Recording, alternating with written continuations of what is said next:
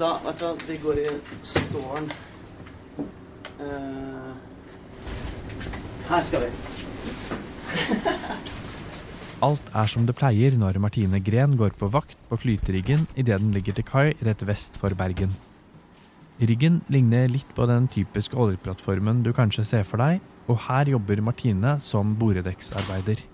Et yrke som ofte bare blir kalt for roughneck. Det er hardt fysisk, og boredekksarbeidere bruker store verktøy og maskiner for å bore etter olje. Jeg jobber jo i en testofest. Det er litt sånn gutta, gutta, gutta. Guttastemning. Inne på riggen går Martine gjennom de snirklete gangene. Det er den samme sure lukta fra røykerommet som treffer deg idet du går inn. Alt er som det har vært de siste tolv åra. Tilsynelatende. Det er jo en morsom setning. Hei, jeg er Martine Gren, 37 år, eh, jobber på boredekk eh, og er midt i en pubertet. Det har gått et halvt år siden hun starta på kjønnsbekreftende behandling. Og nå er Martine tilbake på jobb. Sånn som jeg føler meg nå. når Jeg kommer til å gå inn i garderoben, ta på meg den jævla kjeledressen, og så går jeg ut på jobb, akkurat som alle andre. Uten at det skal være noe problem og stress. Å komme ut for noen du er glad i, er ikke nødvendigvis så lett. Hvordan er det da å komme ut for kollegaer i en machobransje med testofest? Du lytter til Røsla. Mitt navn er Petter Pettersen.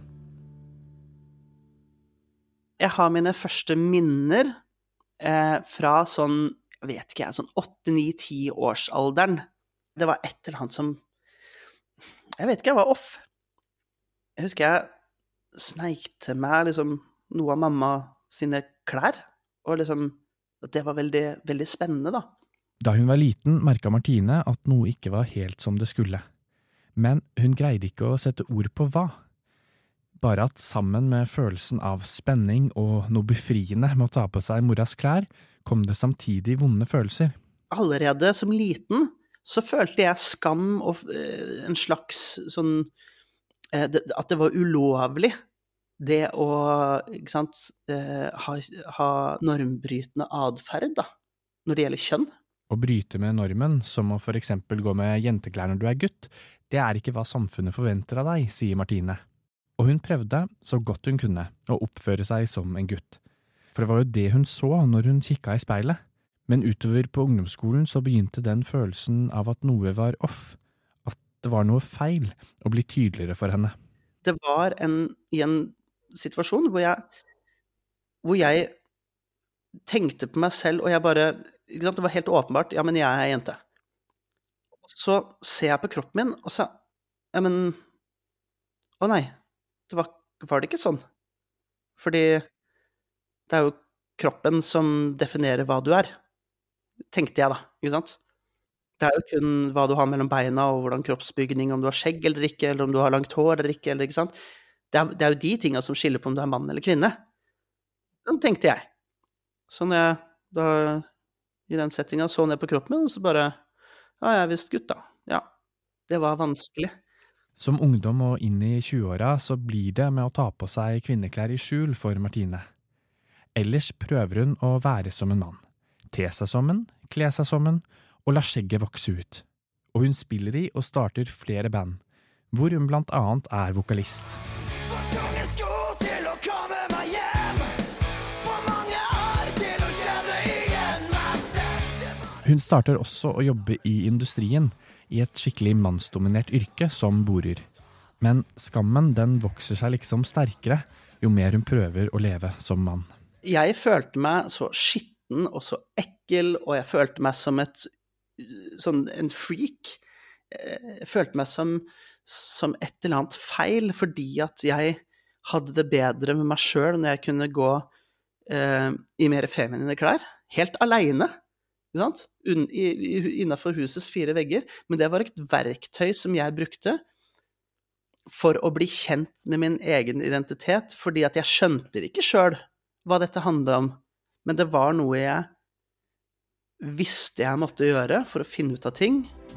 Oh my god! Einhorn is a man!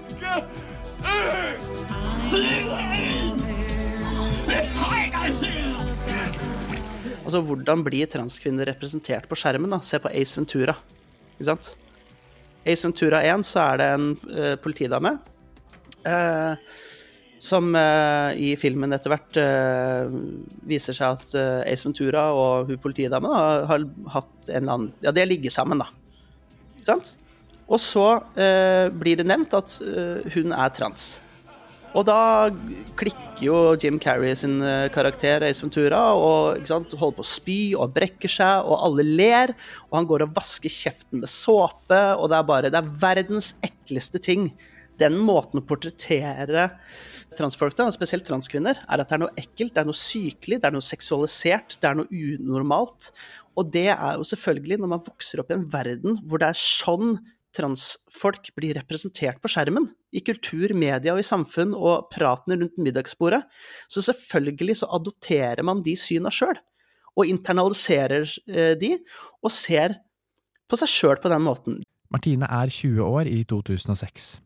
Og som hun forklarer det, på den tida så var det ingen rundt henne, og heller ingen hun visste om, som prata om hva det egentlig ville si å kjenne på de følelsene hun satt med. Å kjenne på en skam knytta til hvordan du så ut og hva du følte deg som. Og jeg visste ikke hva jeg skulle søke etter. Det falt meg aldri inn å søke etter, liksom etter internett kom, da. Er jeg eh, liksom, sånn og sånn? Hva betyr det å være sånn og sånn? Hva er kjønnsdysfori? Hva er kjønnsinkongruens? Går det an å være i en kropp som ikke er sånn som den var ment å skulle være? Og bare for å ta det. Kjønnsinkongruens, det er opplevelsen av at det kjønnet en ble tildelt ved fødsel, ikke samsvarer med kjønnet man selv opplever å være. Det er en diagnose. Og kjønnsdysfori, det er det psykiske ubehaget man opplever av at kroppen og det kroppslige ikke samsvarer med den kjønnsidentiteten du har. Og slik var det for Martine. En følelse av at den kroppen hun hadde, og slik hun så ut, ikke passa. Men så, utover i 30-åra, er noe i ferd med å skje. Og så plutselig så får jeg informasjon, og så blir jeg kjent med noen, og så leser jeg litt om ting. Plutselig så finner jeg ut at ja, men å ja, det fins andre folk som er trans, som er synlige plutselig. Ikke sant? Det fins andre der ute. En dag så forandrer alt seg. Jeg prøvde å lese meg opp på faglitteratur. Jeg, vil, jeg ville finne en eller annen fasit innen medisinen da, som forklarte hvorfor jeg føler meg som jeg gjør. Og for eksempel dette med kjønnsdysfori, hvordan det føles. Så var det én boks etter boks etter boks etter boks som ble tikka av. Ja, men å ja! Ja, men det er jo Det er jo Hæ? Det er jo sånn jeg har gått rundt og følt hele livet. Har det et navn?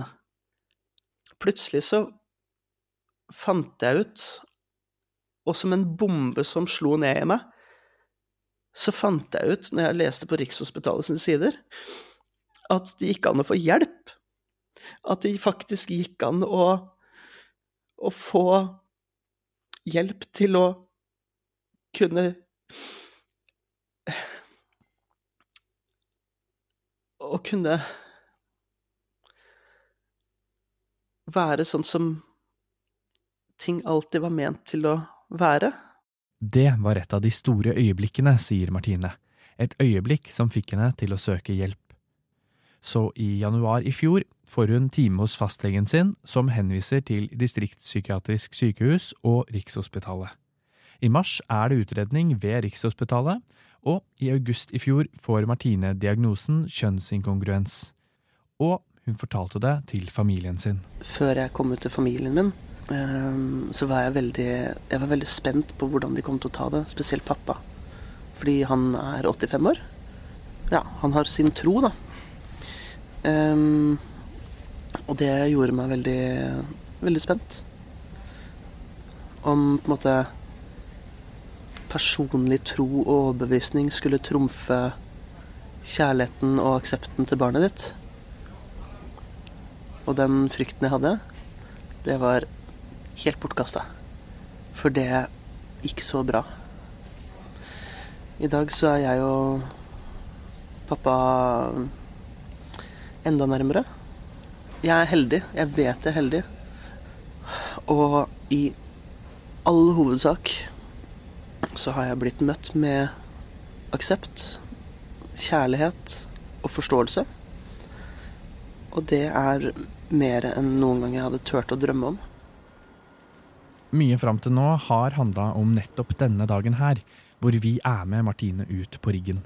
Tilbake på jobb et halvt år etter at hun starta på kjønnsbekreftende medisinsk behandling. Ok, men da er vi jo endelig på plass, da. I september fikk hun endra navnet sitt, og hun fikk en K for kvinne i passet. Så er det 100 millioner forskjellige liksom, instanser, folk, bedrifter, organisasjoner hvor du har medlemskap i, som har din e-postadresse, din som ikke får automatisk oppdatert fra folkeregisteret, ikke sant. Så det, det er jo noe som på en måte jeg fortsatt jobber med. Så er det liksom Kommer det et brev i postkassa, så kommer det en e-post, ikke sant. Um, med gammelt navn og Så det er liksom Det er, det er mye greier, da. Det er veldig sånn Det, er, det kunne vært en fulltidsjobb i en uke, liksom. Åtte til fire hver dag og bare sitte med å adminne eh, en endring av juridisk kjønn og navn. Så det er en del av prosessen, og det er heldigvis den liksom Den, å si enkle, da. Men så kommer den vanskelige delen. Martine står utafor garderobene, der de røde arbeidsdressene, som er påbudt ute på riggen, henger bortover veggen. Hun prøver å finne en dress i riktig størrelse i kaoset av rødt stoff. Nå. Og akkurat idet hun finner en dress som passer, dukker det opp et kjent ansikt i gangen. Morten. Hallo. Hallo. Du, Martine heter jeg. Ansiktet til driller Morten Bremseth tyder på at han forsøker å komme på hvor han tidligere har møtt kvinnen som han nå står og håndhilser på. Du har jo vært her på Borøy før. Det blir en kort samtale, og kollega Morten går raskt videre. Men det er en seier. Én bekymring mindre. Ett steg til mot normalen. Og det er det som er hele poenget her, er jo at jeg er normal. Jeg er ei helt vanlig dame som har regningene å betale. Jeg har en jobb. Eh, ganske så forbanna normal. I en undersøkelse for et par år siden så svarte over 30% av transpersoner at de har blitt trakassert av arbeidsgiveren sin, og 40% oppgir at de har blitt trakassert av kollegaer. Hvis man skal sammenligne med tall for de av oss som er homofile, for eksempel, så har 10% av homofile menn opplevd å bli diskriminert på jobb. Jeg tenker jo at transkampen på mange måter kanskje ligger 40-50 år bak homokampen da, i, i Norge i dag. Så det er helt åpenbart at vi da har en ganske lang vei å gå for at transpersoner skal oppleve arbeidslivet som inkluderende. Marte Holmedal Øvrum er avdelingsleder i Rosa kompetanse. Det er fagavdelingen til FRI, Foreningen for kjønns- og seksualitetsmangfold. Der jobber de for å informere og kurse arbeidsplasser i mer bevisstgjøring rundt kjønn, seksualitet, identitet og normer. Holmedal Øvrum trekker frem flere eksempler på utfordringer man kan møte på som transperson i arbeidslivet. Eh, Det vil kunne være at man blir brukt feil pronomen om, eller at det navnet man har, ikke blir respektert eller anerkjent fra omgivelsene. Det kan også være at det tas opp og gjøres til en veldig stor sak. Eh, At det blir gjort til sånn at du- må sitte i lunsjen og diskutere Espen Ester hver eneste dag, istedenfor ofte å diskutere hva du har gjort i helga, eller hva du har lyst til å gjøre i sommerferien. Eller så kan man oppleve det motsatte. At en minoritetsdel av seg selv blir gjort veldig liten og usynliggjort. At man kanskje ikke helt blir sett og anerkjent. Hvis man er ikke-binær transperson, f.eks., altså at man verken identifiserer seg som mann eller kvinne, så vil man kunne oppleve at det kanskje ikke finnes garderober eller toalettfasiliteter eh, som rommer en som seg sjøl på arbeidsplassen. I dag anslår Skattedirektoratet at i underkant av 1700 personer har bytta eller søkt om å bytte juridisk kjønn siden det ble mulig å endre juridisk kjønn for over 40 år siden. Vi vet med andre ord at det er mange arbeidsplasser rundt om i landet vårt der det jobber personer med kjønnsinkongruens eller kjønnsdysfori. Og så er det noe med å legge til rette for åpenhet, men ikke kreve åpenhet. Eh, Noen transpersoner vil være helt åpne om at man er trans, og synes det er fint at det er noe kollegaer vet om. Andre vil ikke være åpen om det, og synes at det er det som gir en selv best livskvalitet. på en måte. I Norge så er arbeidsgivere pålagt å jobbe for å hindre diskriminering. Og transpersoner, kjønnsidentitet og kjønnsuttrykk er spesifikt nevnt i lovverket. Marte Holmedal Øvrum i Rosa kompetanse understreker at den jobben som arbeidsgivere og andre på arbeidsplassen legger ned for å gjøre den til et mer inkluderende sted, er helt vesentlig. Hele én av tre transpersoner i Norge har forsøkt å ta sitt eget liv. Eh, Det er helt enormt høyt og enormt skremmende, som helt tydelig tyder på at vi som samfunn har en utfordring å gjøre da, for å legge til rette for at flere kan få leve gode liv som hele seg. For vi vet også av forskning at det er ikke det om du er trans, eller lesbisk, eller homofil eller bifil, eller hva du måtte være, som avgjør om man får et dårlig eller godt liv, men det er hvordan man blir møtt av omgivelsene. Så dersom man får en arbeidsplass som er nydelig, vakker og inkluderende, hvor man får lov til å være dyktig på jobben sin, og får lov til å komme med hele seg, dersom man får tilgang på helsehjelp og juridisk anerkjennelse, så får man gode liv, rett og slett. Sist gang Martine var på jobb, var i august i fjor. Da hadde hun gått på hormoner i to måneder, men hadde ingen resept. Hormonpillene de hadde hun fått tak i på annet vis. Og når du skal ut og jobbe på en rigg i Nordsjøen, så må du ha resept på alle medisiner du skal ha med deg. Til og med helt vanlige smertestillende tabletter. Derfor valgte hun på turen i fjor å smugle med seg hormonene gjennom sikkerhetssjekken, som hun måtte gjennom før hun tok helikopteret ut i Nordsjøen. Det slipper jeg nå, for nå har jeg jo fått diagnosen fra Rikshospitalet, der hvor det står Martine Gren har kjønnsinkongruens, og jeg har mine helt egne blå resepter. Og det er en endring Martine er veldig glad for. De kvinnelige hormonene hun har tatt det siste halvåret, gjør at hun nå på en måte er i en kvinnelig pubertet. Det er liksom Hæ? Hva? Ja, men du er ikke 14? Nei, jeg er 37. Ja, men puber, hæ? Pubertet? Hva, hva mener du? Blant annet så har det åpna rom med følelser hun ikke ante at hun hadde, forklarer hun. Og det har gjort at hun reagerer annerledes enn før. Men jeg, vet du, jeg elsker å være meg. Uansett hvor mye hormonene drar meg i alle forskjellige retninger. Hvor Hvor mye det stormer inni meg. Om jeg er lei meg, glad, trist, forelska, ikke forelska. Det er godt å være meg fordi at jeg har fått hjelp til å kunne være nettopp meg. Hvis vi lar fordommene få fritt spillerom og ser for oss typiske oljearbeidere i Nordsjøen, ser vi mest sannsynlig for oss et relativt macho-miljø med ytterst få kvinner og mye såkalt guttastemning. Men hvordan er det da å skulle stå fram som transkvinne i denne macho-kulturen? Mye sitter igjen liksom fra, fra gammelt av, da. Ikke sant? Eh, hvor det å liksom en kvinne på boredekk var helt uhørt. Ikke sant? I dag så er det jo ikke sånn. Så, min erfaring med og, og mine møter med en bransje som, som har det ryktet på seg for å være litt sånn test og fest og guttastemning og macho, ikke sant. Ja, absolutt noe til stede der. Men um, ikke på en sånn måte at det liksom påvirka meg negativt, da. Som transkvinne, liksom. Mannsnavnet er et navn som Martine i dag omtaler som dødt, og et hun ikke bruker. Dagen etter vi er med henne ut på plattformen, starter vakta hennes. Siden hun denne gangen mønstret på riggen mens den lå til kai, så var det ikke det vanlige sikkerhetsmøtet med navneopprop som det bruker å være hvis plattformen er ute i Nordsjøen. Men når det navneoppropet skjer, vil det bli en ny seier for Martine. Ene, den ene tingen der, å bare få riktig navnet mitt lest opp av kapteinen når alle er samla, og jeg er stolt kan si med den stemmen jeg har, og si 'her', det, det blir litt av et øyeblikk.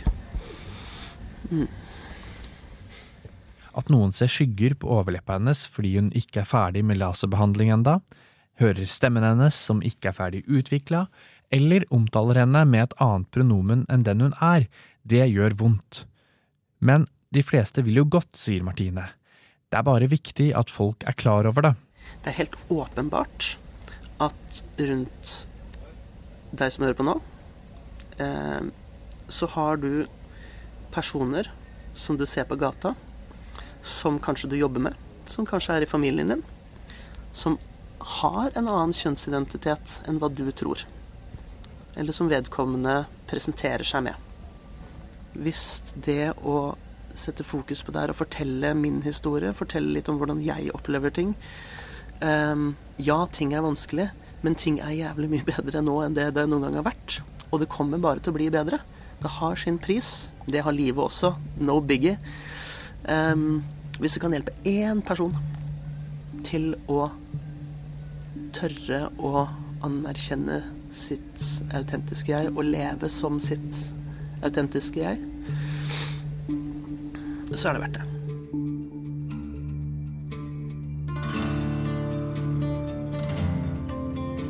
Denne episoden er laget av meg, Petter Pettersen.